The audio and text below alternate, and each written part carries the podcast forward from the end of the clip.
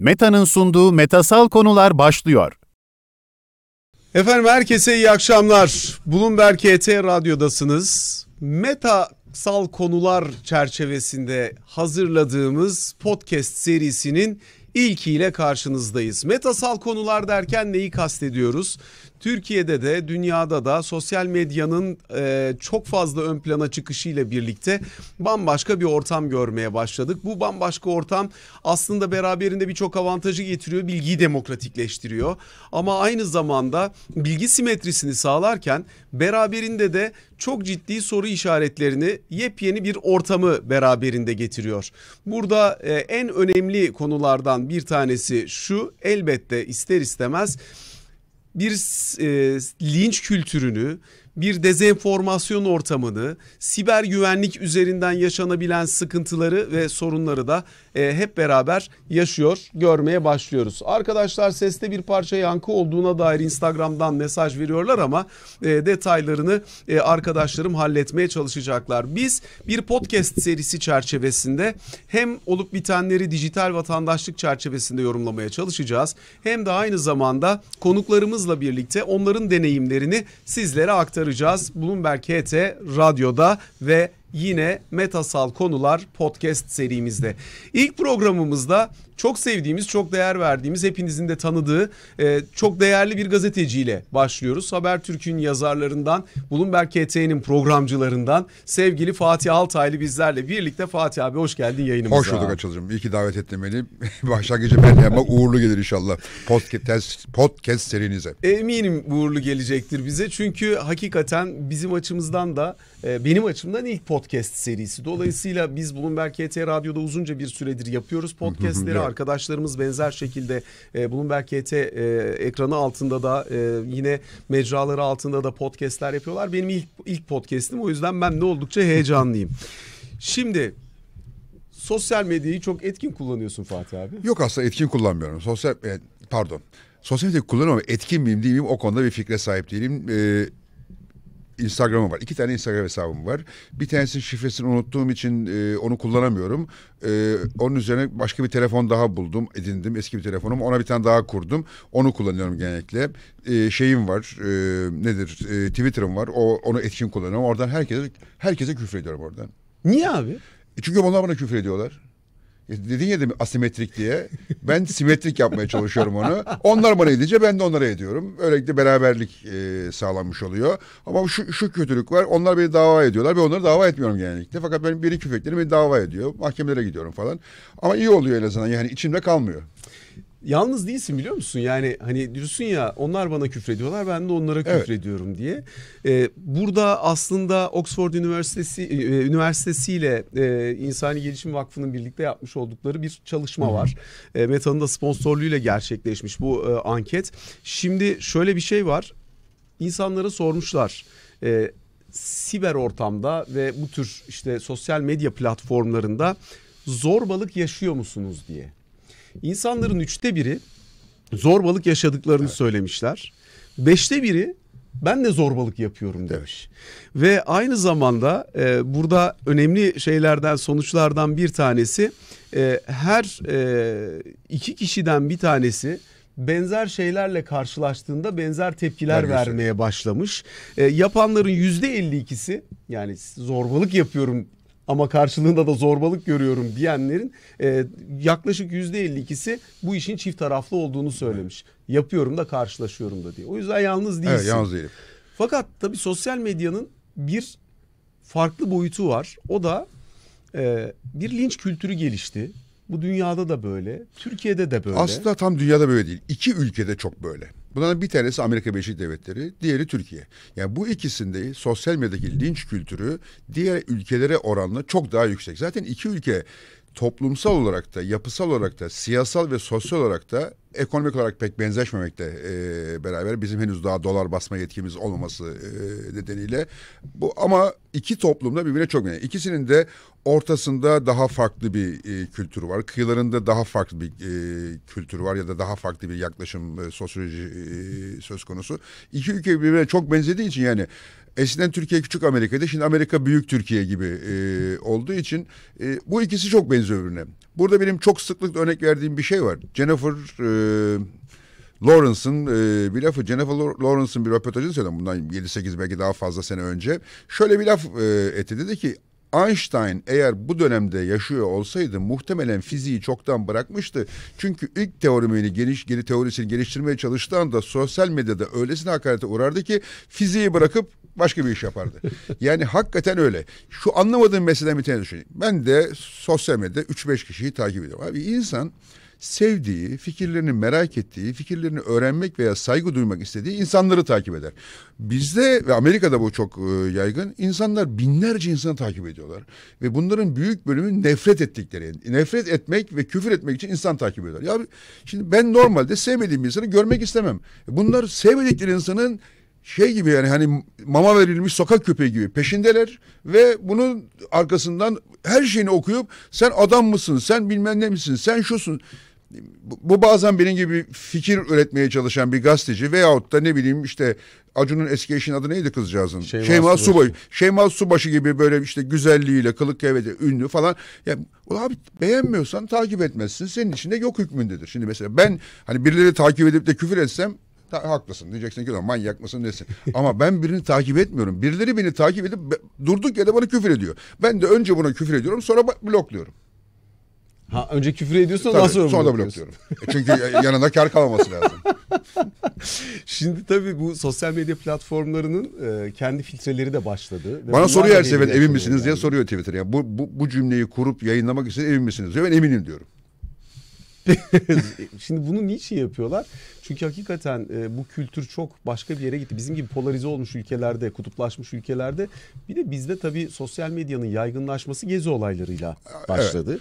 Dünyada aslında bunun etkisinin ortaya çıkması biraz şeyle başladı. Tahrir Meydanı hikayesiyle Arap başladı. Baharı'yla Arap. Baharı'yla başladı. Ya, ya bu enteresan bir şeymiş, farklı kullanım olabilirmiş diye. Sonra işte bize dediğin gibi geziyle e, çok etkin hale geldi. E, bugün hala dünyada e, belli oranlarda e, çok e, siyasal ya da sosyal olaylarda e, kullanılıyor. Ama mesela bir- bir ilginç bir şey var. Twitter daha rezillik. Mesela Instagram biraz daha sterildi Twitter'a göre ama Instagram'da yavaş yavaş o da Twitter seviyesine doğru adım adım adım adım e, gidiyor. Çoğaldıkça, kalabalıklaştıkça ki İşte bu o yüzden filtreler falan koyuyorlar. sürü filtre Algoritmalar koyuyorlar. Evet. koyuyorlar. Mesela e, kendi e, Instagram'ın ve Meta'nın e, yapmış olduğu anketlerde geçen sene Temmuz ve Eylül ayları arasında 6,5 milyon nefret söylemini sistem otomatik, Otomatik olarak silmiş, evet. silmiş. Şimdi bunlar tabii geliyor ama, Ama şeyi de duymuşsundur muhakkak. Bir, İnsan bir, var bir yapay zekayı Twitter hesabı açtılar. Yapay zeka genel geçer söylemlere bakarak kendini ortalama bir Twitter kullanıcısı haline getirmeye kalkıştı. İki buçuk saat içerisinde faşist oldu adam. Yani yapay zeka iki buçuk saat içerisinde küfürbaz, ırkçı, faşist bir hale dönüş. Çünkü baktı genel geçer buymuş ben de böyle olayım dedi. Ve hemen kapattılar. yapay zeka insandan öğreniyor. Tabii insan istemez. öğreniyor ve bakıyor çoğunluk ne yapıyorsa ona dönüşüyor. Peki abi şimdi bu tabii linç kültürü de bambaşka bir yere geldi. Şimdi Evet. sen mesela bizim kanalımızda spor programı yapıyorsun. Evet. Örneğin Yapıyordum. Yapıyordun. İnşallah yeniden başlarız bir gün. İnşallah. Ee, şimdi orada da görüyorsun ki mesela takipçi kitlesi ve kalitesi e, yorum kalitesi üzerinden söylüyorum insan kalitesi değil elbette ama e, çok belirleyici şeylerden bir tanesi oluyor. Türkiye'de gezi olaylarıyla başladı derken anonim hesap kullanımı çok yüksek. Çok yüksek. Neden? Çünkü baskı, e, insanların üzerlerinde hissettikleri özgürlük Aynen. katsayısı Kendini düşük, göstermeme. kendini göstermeme, işte devlet memuru olabiliyor, başka bir şey olabiliyor veya daha özgür hissediyor kendini. Başıma bir şey gelebilir korkusuyla. O yüzden anonim hesap çok yüksek. Ama aslında ana mesela korumuyor kimseyi biliyorsun. Sonunda tespit ediliyor. Yakalanabiliyor, tespit ediliyor tabii ki ediliyor. Fakat sonuçta anonim hesapla iş yapmak ya da çıkıp sosyal Sahte medya hesapla iş kullanmak yapmak. ha, ya herkese e, aklına geldiği gibi Söyleme özgürlüğünü tanıyor evet. sövme özgürlüğü Aynen. falan tanıyor. Bunun için ne yapılabilir sence?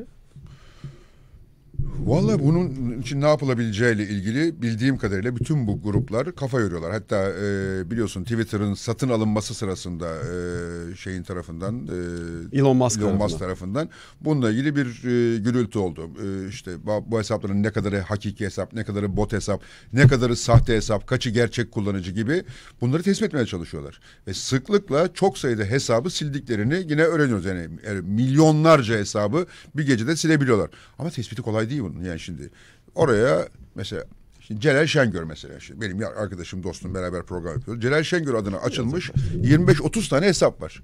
Bunlardan bir tanesi milyon takipçili.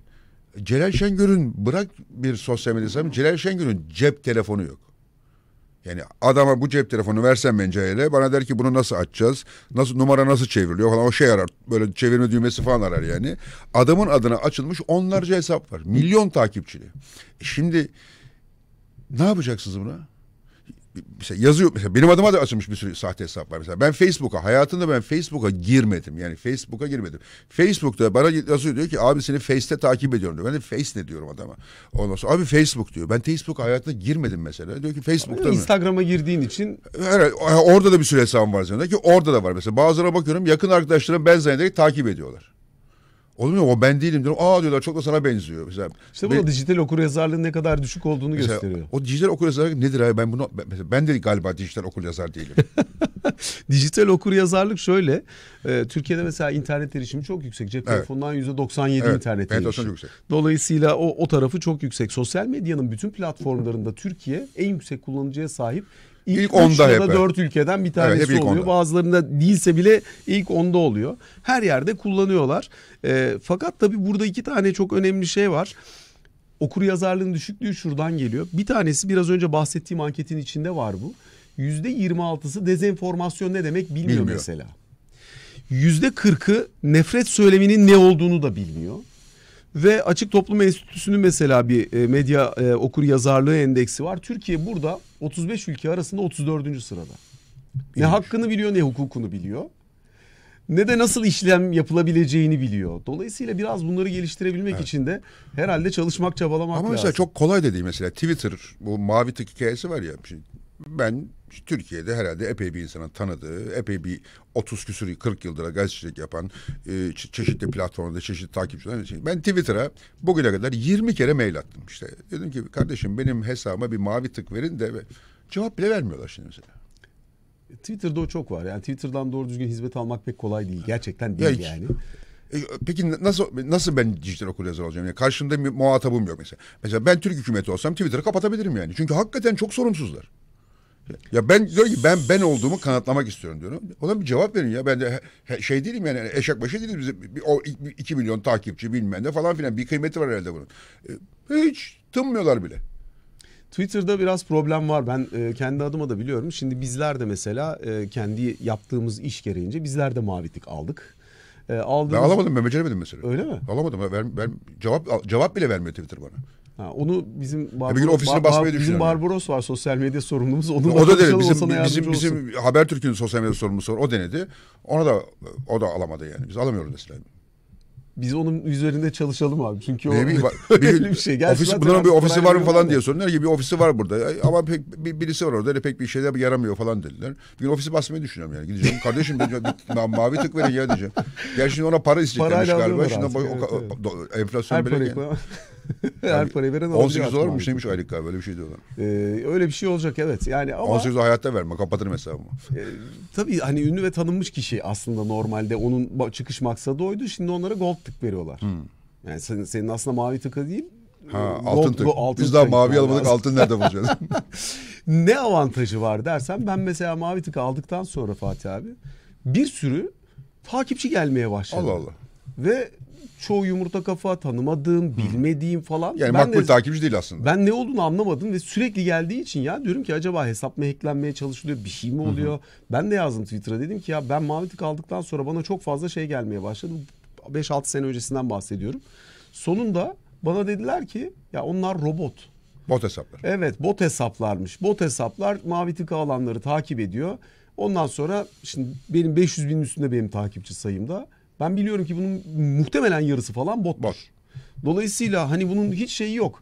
Ee, bir makbuliyeti falan yok. Yok. Verdiği Almayayım o zaman. Boşa para da vermeyeyim yani ileride. Yani bir Instagram'da öyle değil ama mesela. Yok, Instagram, Instagram daha iyi. Orada hakikaten aldığının bir anlamı Evet, var. anlamı var. Almak da zor. İşin e, akışı da farklı. Ben şey kısmını merak ediyorum. Şimdi e, dedin ya biraz önce e, bir şey söylüyorsun karşılığında küfür yemeye başlıyorsun diye. Mesela ben senin yazıların çok sıkı takipçisiyim.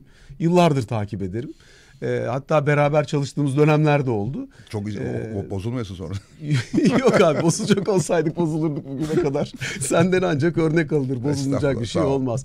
Ee, mesela Messi ile ilgili bir yazı yazdın. e, Katar'daki Dünya Kupası'nın Evet. finalinde Evet. kazandıktan sonra üzerine giydirdikleri kıyafetle alakalı.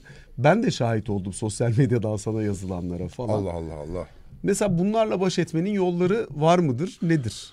Vallahi ben baş edemiyorum yani yolu olduğunu zannetmiyorum yani kimse baş edemiyor. Çünkü mesela şeye bakıyorsun ne bileyim Elon Musk'a bakıyorsun e, o da baş edemiyor. Şimdi adam dünyadaki şu anda en önemli bu tek işini yapan kullananlardan sahiplenenlerden falan filan bir adam. O da baş edemiyor mesela onu bile işte istifa edeyim mi diye soruyor Ma- madar oluyor falan yani. Baş etmek çok kolay değil aslında.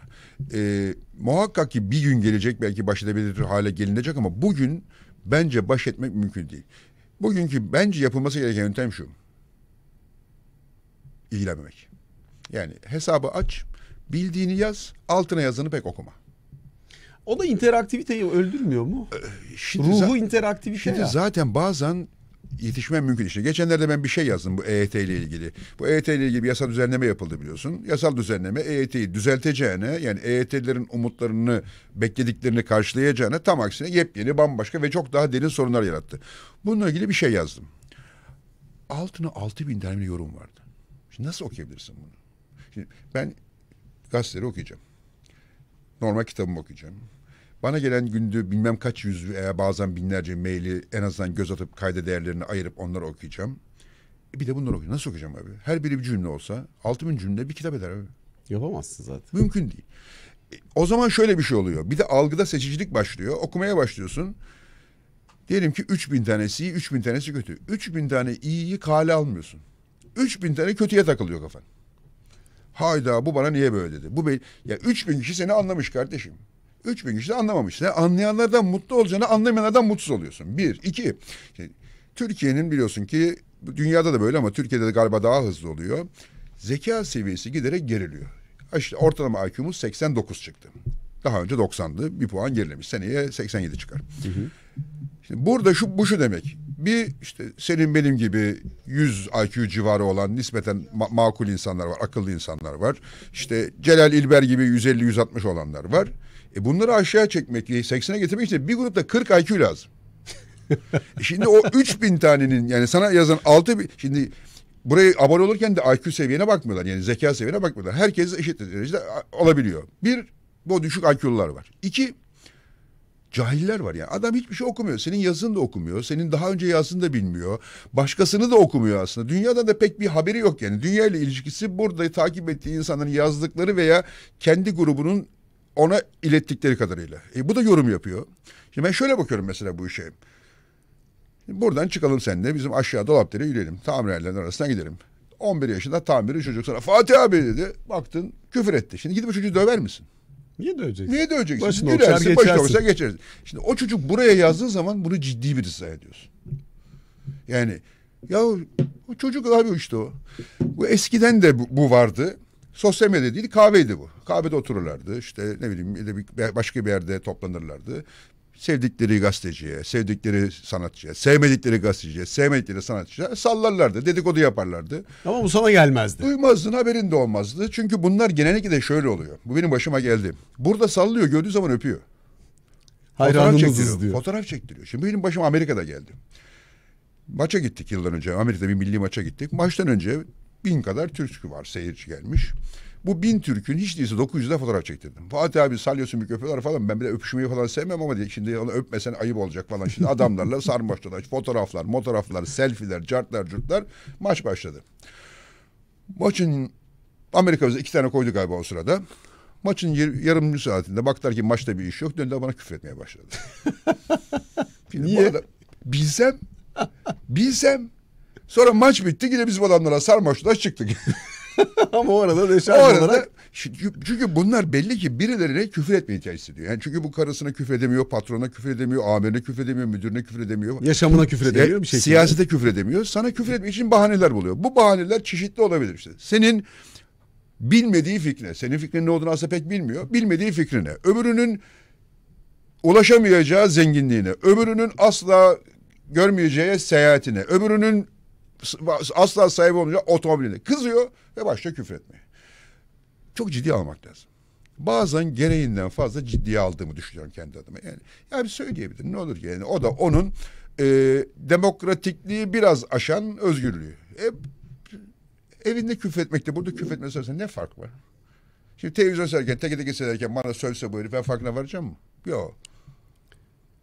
Şimdi sen abi karşıt görüşlerle çatışmaya alışık yapıya Alışık, sahip evet. bir insansın. Yani Kaşarlanmışım bu konuda. Estağfurullah öyle demiyorum ama şu e, ben bilirim yani özellikle işte Türkiye'nin kardak krizini yaşadığı dönemde adaya gidişin o günden beri Hatta daha öncesinden. Ha, Yani ama hani benim Evet, orada- orada ha, benim zirvede, şeyim evet. o. Çünkü sonuçta sen bir görüşü keskin bir şekilde dile getirirsin. Karşında da karşı görüştekiler de senin üstüne gelir. Sen de üstüne gitmeye Evet, devam evet. edersin. Dolayısıyla senin yapın bu. Fakat insanların bir bölümü normal, sıradan vatandaş, başka işlerle uğraşan insanlar. Onlarda böyle bir kültür yok.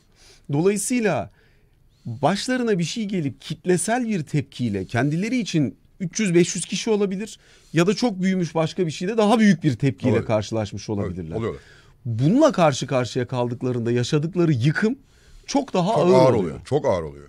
Dolayısıyla bu linç kültürü Şimdi bunun bak okumadan söyle- anlamak ve üstüne yüklenmek çok başka çok bir yere felaket taşıyor şey. işi. Bu, bunun çok çeşitli örnekleri var. Mesela Sebastian Vettel diye bir otomobil yarışçısı var biliyorsun. Formula, Formula bir bir yarışçısı. yarışçısı. Dört, dört kez yanlış hatırlamıyorsam dünya şampiyonu ama muazzam bir adamdır. Çok da tatlı, dünya izi çocuktur. Bu sosyal medya icat olduktan sonra çocuğun hayatı kaydı. Bu oturuyor evde sürekli veya işte şeyde e, pitte mitte falan ya da işte padokta oturuyor sürekli sosyal. Abi sosyal medyada bunun hakkında söylenenleri okumaya başladıktan sonra çocuğun sürücülük hayatı bitti. Ferrari'den ayrıldı. Aşağı takımlara gitti. Son işte şeye gitti. E, Astro... Tek nedeni sosyal medyada kendisine edilen laflara onu. Kaldıramadı bunu. Ve adamın kariyeri mahvoldu yani. Belki 8 defa dünya şampiyonu olacaktı. Adam ve tanısan dünya tatlısı bütün Formula 1 camiasının en sevdiği, en sempati duyduğu adama sosyal medya hayatı dar etti. Böyle başkaları da var. Bir böyle- bir- En son Avustralya açık tenis turnuvasını kazanan Sabalenka. Çok yetenekli tenisçi, çok güçlü Yok. tenisçi. Ama kız o noktaya gelene kadar ilk kez Grand Slam kazandı. Sosyal medyanın kendi üzerinde yaratmış olduğu baskı Baskıdan- nedeniyle kaç tane turnuva Evet, kaybetti. kaybetti. Dolayısıyla hani hakikaten linç kültürü tanınmış tanınmamış Ama herkes herhalde özellikle oluyor. tanınmış kişilerin e, eğer benim gibi 40 yıldır bu işle meşgul olup artık bunu yani ciddiye almayacak noktaya gelmemişse özellikle gençler falansa böyle bunların büyük ihtimalle psikolojik destek alması lazım bununla ilgili. Yani çünkü öyle şeyler söyleniyor ki bir de bunu çok söyleyince sen ciddiye alıyorsun ister istemez yani. Ulan bir milyon kişi bana küfür ediyorsa galiba ben küfürü hak ediyorum. Şimdi o bir milyon kişi seni tanıyor mu, biliyor mu, ne yaptığını, ne etmediğini veya hakikaten senden nefret ediyor. O sırada bir dalgaya binip geliyor. Ben sokakta görüyorum beni mesela. Diyor ki Fatih abi diyor seni okumaya başlamadan evvel diyor sana çok küfür ederdim. Peki beni okumaya başlamadan evvel bana niye küfür eder oğlum diyorum.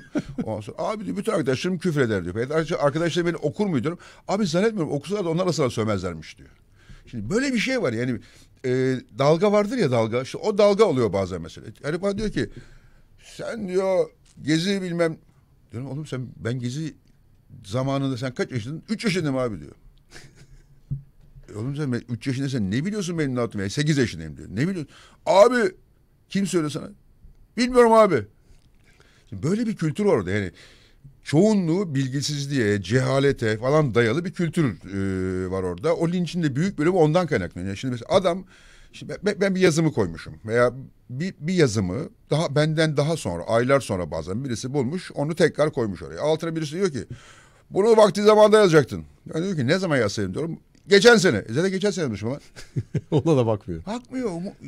Böyle- bir şey yok adamın. Geçen gün bir de yazımı gene Ümit Özdağ koymuş. Diyor ki Ümit Özdağ, işte Fatih Altaylı falan filan demiş. Ben de Ümit Bey bazı salaklar benim siz başlığa bakıyor ama yazıma bakmıyor. O yaz, adam demiş ki keşke bunları daha önce yazsaydın. Kardeşim göçmenlerle ilgili. Ya ben 11 senedir bunları yazıyorum. 11 senedir bunları yazıyorum.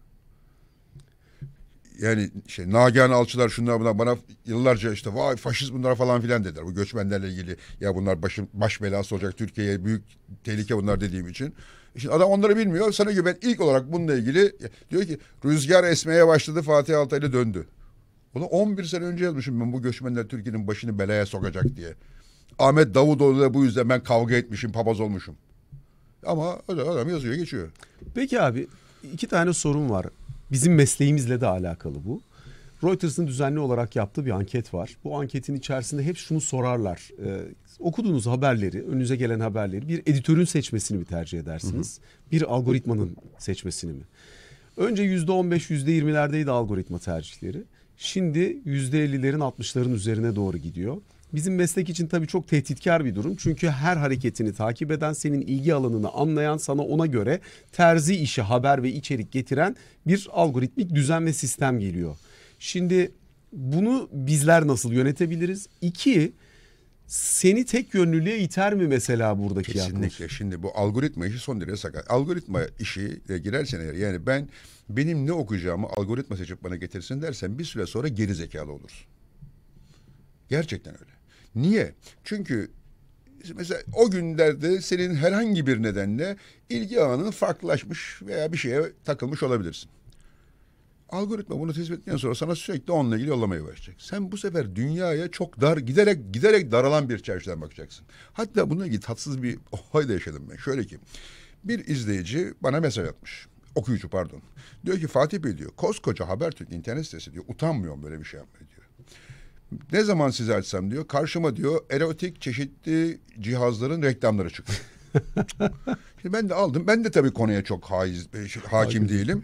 Geldim bizim haber dedik arkadaşlar benim yazılarıma dedim siz işte ya- yapay cinsel organ falan reklam mı alıyorsunuz? Yok abi dediler böyle bir şey yapar mıyız? E Dedim böyle bir şikayet var. Aldılar incelediler. Dedi ki abi o bizim reklamımız değil. O kimin reklamı? Dediler ki herhalde beyefendi daha önce seks sitelerinde dolaşmış. Ona gelen reklamlar böyle reklamlar. Ben de adama yazdım dedim ki beyefendi siz hangi sitelere girdiğinize dikkat edin. O reklamları biz koymuyoruz. Sizin beğenilerinize göre algoritma koyuyor dedim. Adam arazi. Blokladın mı abi sen? Ee, yok değil mi? Adam, adam, adamcağız. Düzgünce yazmış değil mi? e, düzgünce yazmış yani, Yani adamın seks sitesine girmesinden bana ne ke- kendi keyfi bilir girsin sabah akşam gelsin çoluk çocuğa tecavüz etmeden sonra bana ne adamın ne yaptığında. Ee, sonuç olarak yani bu algoritma biraz insanları kısılaşıyor. Aynı şey bu chat GPT ile ilgili biliyorsun ee, uzun zamandır konuşuyor. Bu chat GPT evet şu an için hakikaten keyifli ama bir süre sonra bizim hayatlarımızın etrafında bir duvar örmeye başlayabilir. Bunu geçen gün evde e, kızımla tartışıyorduk. Yani şimdi Chat GPT'ye ben dönüp bana yemek tavsiye et diyebilirim. Ama bir süre sonra onun tavsiyesiyle ben kendimi bir süre sonra baktın ki vejetaryenim. Al başına belayı. Çünkü mesela üç gün ya ben biraz sebze yemek istiyorum de, diyeceğim. O bana sürekli onu tavsiye yapacak falan. O, o, o gitti. Veya keza işte ne bileyim izlediğin şeyler. İşte ya sinemaya geçeceğim bugün kafam atık bir macera filmine gitmek istiyorum. E, Üç gün sonra sana sürekli olarak şeyleri getirmeye. Nerede var abuk sabuk film hiç sinematografik değeri olmayan onlarla ilgilenen bir adam haline geleceksin. Ama gene de tercih sende ya. Yapmak istemeyebilirsin de. Hayır ama şimdi o zaman... Yani insanla A- birlikte a- yürüyebilmesini yürüye- sağlamak lazım ya. yürüyemeyebi- Yürüyemeyebilir yani şey gibi oluyor. Bir süre sonra nasıl ki çocuğu biraz aile ve çevre yönlendiriyor. Önce aile sonra çevre. E, Bir anlamda o şey e, algoritma kötü bir çevre olabilir sana bir süre sonra. Ha şeysen eğer hakikaten algısı geniş, ilgi alanları geniş birisen ve o algoritmayı doğru yönlendirecek şekilde hareket etmeye becerisine sahipsen eyvallah. Ama bu beceriye sahip değilsen yani senin demin vurguladığın hani sosyal medya ve internet kullanımı konusunda eğer uzmanlaşmış, profesyonelmiş değilsen birdenbire seni çok dar bir alanın içerisinde hapis etmeye de başlayabilir. Böyle bir riski var. Son sorum abi. Ne güzel konuştuk. Niye son soru? Ha yok yani ben senin vaktini daha fazla almamak için diyorum. O zaman Ben tamam aylak devam bedava biraz daha. Şimdi bizim mesleğimizde mesela özellikle de yazarlık işinde şöyle şeyler var ya. Ben bunun iki türlüsünde gördüm eminim sen de görmüşsündür. Makul ılımlı bir kişisin. Eğriye eğri doğruya doğru diyen birisin. Yazdığın yazılar, yaptığın yorumlar kitleleri sosyal medya üzerinden o kadar hareket ettiriyor. Ve bu sen orayı takip etmeye başladıkça o kadar senin üzerinde etki yaratmaya başlıyor ki bazen sen yazıyı yazıyorsun bazen yazı seni yazmaya başlıyor. Ee, buna sosyal medya maymunlaşması diyorum.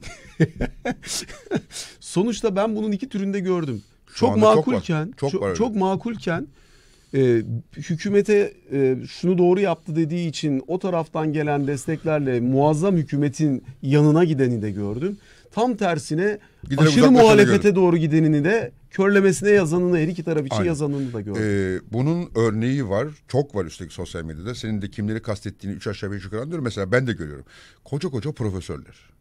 Koca koca iş dünyasının önde gelen adamı olması muhtemel veya düşün dünyasının önemli olması muhtemel adamları aynen dediğin gibi sosyal medya maymunlaşmasına muhatap oluyorlar ve bir süre sonra onun esiri haline geliyorlar. Yani şimdi biraz muhalef bir, şey yazıyor. 18 bin retweet, 60 bin e, beğenme, işte 3 bin yorum. Aa damar buldum diyor gitmeye başlıyor. Bir süre sonra şey vardır ya hani şeyini göstersene amcana durumu. Bunlar sürekli şeylerini amcalara göstermek zorunda kalıyorlar. ha babam, aa gaza ve bir süre sonra bakıyorsun ki havada tutukları veriyor. Baba niye diyor, toplumu galeyana getirmekten. Ya adamın böyle bir niyeti yok ama işte o sosyal medyadan ötürü buldumcuk oluyor. Hele hele bizim meslektense biraz daha bu konuları dengeli götürebiliyor yani tecrübeliyse.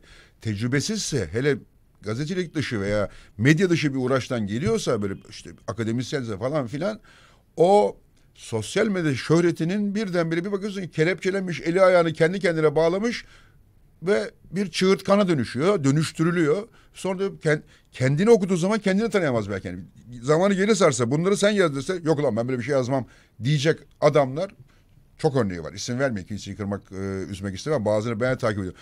Çok da sevdiğim, çok da beğendiğim dostlarım da var içerisinde. Ama ne yazık ki bazıları bu hale geliyorlar. Çok doğru tespit bu yani. Buradan sonraki aşaması da kolay olmuyor çünkü insanların Oradan çıkamıyorsun bir daha. çıkamıyorsun ve ondan sonra bu sefer yalnızlaşma duygusu geliyor beraberinde. Akademiden uzaklaşıyorsun, bilimden uzaklaşıyorsun ve sadece Akıldan ne isterse aynen. oraya Akıldan gidiyorsun. uzaklaşıyorsun, aynen. Aklını kiraya vermiş Hayır, birisi oluyorsun. alıyor, o sosyal medyadaki takipçilerin seni alıyorlar, bir yerden bir yere sürüklüyorlar. Burada peki e, işin bir optimumu olamaz mı? Yani hem aklını doğru şekilde kullanıp hem sosyal medyayı etkileşimi için insanlarla doğru ilişkiyi kurgulamak için kullanamaz mısın? Yoruma kapatacaksın. Ama o zaman sosyal medyanın sosyal kısmını kaldırmış oluyorsun. Sınıracaksın. ya da okumayacaksın. Bilmiyorum yani e, çünkü okuduğun zaman gerçekten seni bazen olumlu bazen olumsuz çok etkiliyor. Çünkü mesela ben mesela ben negatiflere takılıyorum. Niye bu negatiflere yazıyorum falan diyorum. Bazıları pozitiflere takılıyor. O diyor ne güzel işte bak 5000 kişi beni destekliyor diyor. Ee, zor yani henüz daha şöyle söyleyeyim bak biz henüz daha sosyal medyasal evrimimizi gerçekleştiremedik. Yani evrim kolay bir süreç değil. Evrim yüz binlerce yıl süren bir süreçtir. E biz 10 yıl içerisinde bu evrimi tamamlama değil. Biz daha alışamadık buna. Biz daha bunu öğrenemedik. Yani şuna ben buna bakmaya başladığımda zaten 50 yaşındaydım. Şimdi bak o dediklerinin büyük bir de o yaşlardalar zaten. Ee, şimdi 50 yaşından sonra bunu öğrenmek ve bunun bunu hazmetmek çok kolay bir şey değil. Şey de, şey gibi biraz da yani sa- sadece bu değil mesela şöhreti de şimdi ben biliyorum koca koca adamlar 55-60 yaşında adamlar televizyonda şöhret oluyorlar ve deliriyorlar. Deliriyor yani kendini televizyonda görmezse söylediği bir laf ertesi gün veya o gece hemen anında sosyal medyada veyahut da işte diğer kanallarda internet sitelerinde manşet olmazsa deliriyorlar. Kulüp başkanı da böyle değil mi yani? Şimdi kulüp başkanlığını uzun süre yaptın mı sabah gazeteci kendini düşüp de kendini görmedi mi falan geçiriyorsun. Bunlar da öyle. Bir süre sonra kendini e- ekranda orada ya bu işten para kazanmayan bir adam gecede haftada beş gece bir televizyon ekranında abi senin karın yok mu çoluğun yok mu çocuğun yok mu evin yok mu bir şeyin yok. İşte neden? İşte o delilik o. Aa, gör- kendimi görmeliyim. İnsana benden bahsetmeli. Sosyal medya manyakları. Medya manyakları, sosyal medya manyakları. Ve daha biz buna uyum sağlayamadık. Yani sosyal medya muhakkak ki genç kuşaklar bunu biraz daha iyi kullanacaklar. Ben şunu görüyorum mesela. Gençler orta yaş ve üstü kadar etkilenmiyorlar sosyal medyada yazılanlardan. Biz daha çok etkileniyoruz. Ama gençlerin o genel e, umursamaz ve hani çok fazla Aslında aldırmazlığıyla da alakalı olabilir mi? Aslında umursamaz değiller. Tatlı bir umursamazlıkları var gençlerin. Yani kendilerini ilgilendirmeyen veya kendilerine dokunmayacak bir şeyi çok umursamıyorlar. Ve bence doğru da yapıyorlar. E, sosyal medyada bir tane yazan dangalağın bana ne etkisi var? Ben niye umursuyorum?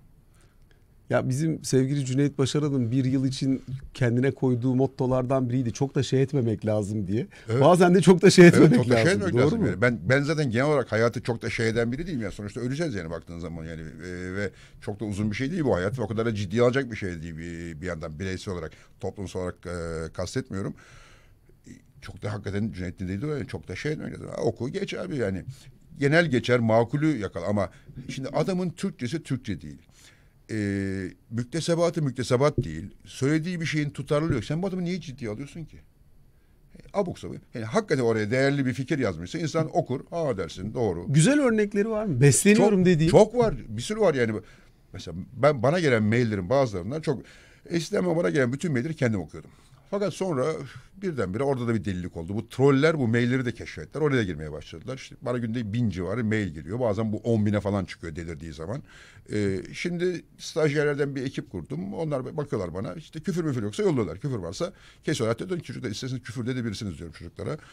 ee, maillere de bazen küfür ediyor onlar. Çünkü ben de ediyordum e, eskiden mailler. Şimdi mailde herif bana küfür etmiş. Ben ona ediyorum kardeşim. Ama artık etmiyorum çünkü dava mava falan bir sürü iş uzuyor. Ee, avukat parası falan çok veriyorum. Ee, o yüzden vazgeçtim. Çocuklar bazen küfür ediyorlar. Onlar da alıştılar etmiyorlar artık. Ee, maillere bakıyorum mesela. Maillerde inanılmaz faydalanacağım şeyler var. Sosyal medyada Fatih Bey şuna baktınız mı? Şuna şeyi açıyorum ben YouTube açıyorum. YouTube'da Celal, ben, İlber, Ahmet Arslan falan. Daha doğrusu tek tek bilim programlarının şeyleri var. e, yayınları var. Üç saatlik, iki buçuk saatlik yayınlar. Bazılarının altında binlerce, bazılarının altında yüzlerce yorum var. Abi yorumları oku. Üniversite gibi. Çünkü orası burası kadar kirli değil. Yani YouTube'da o bilgi çünkü oraya yorum yapmak için açmak. Şimdi duydu, duyan birileri gerçi Allah'tan Bloomberg burası buralar olmaz ama e, girebilirler. Ama orada bakıyorsun adam izlemiş akılcı bir şey söylüyor. Senin bilmediğin diyor ki Fatih Bey bu konuda işte bilmem nerede şu yayın var. Bilmem nerede şu hoca var. Şu ne, öğreniyorsun. Çünkü hakikaten bilgi yayıldıkça büyüyen, yayıldıkça güzelleşen ve etkileşimle artan bir şey. E, Orada var. Açıyorum orada YouTube'da. Bazen geceliğin bir bir giriyorum abi onun altındaki YouTube'daki alttaki yorumları okumaya. Saat 12'de başlıyorum. Bugün saat 3-4 olmuş. Orada var ama Twitter'da Derya'da Damla. Az kalıyor diyorsun. Hiç yok yani. Bak, bak yüzde doksanı rezillik. Lehte de lehte de fark etmez. Sevgili Fatih Altaylı çok çok teşekkür ediyoruz. Ben teşekkür ediyorum. Bu Ya, çok ciddi bir programım var mı bilmiyorum. Bu program ciddi mi? Ben, ben, ben- ben böyle doğal bir şeydi. Hislerimi anlattım Abi yani. bizim zaten yaptığımız radyoda ve e, kendi içeriğimizde yaptığımız yayınların çoğunda samimiyet duygusu öne çıksın isteriz. Şahane. Ben de işte Ağzına sağlık. O yüzden kadar- de seninle birlikte başlamak istedik. Kırmadın bizimle birlikte oldun. Çok teşekkür Ben ediyoruz. çağırdığın için ben teşekkür ediyorum sana. Sağ olasın. Metasal konulardaki ilk yayınımız sevgili Fatih Altaylı ile birlikte oldu. Her hafta yeni yayınlarla sizlerle birlikte olmaya devam edeceğiz. Hoşçakalın. Hoşçakalın. Meta'nın sunduğu Metasal konular sona erdi.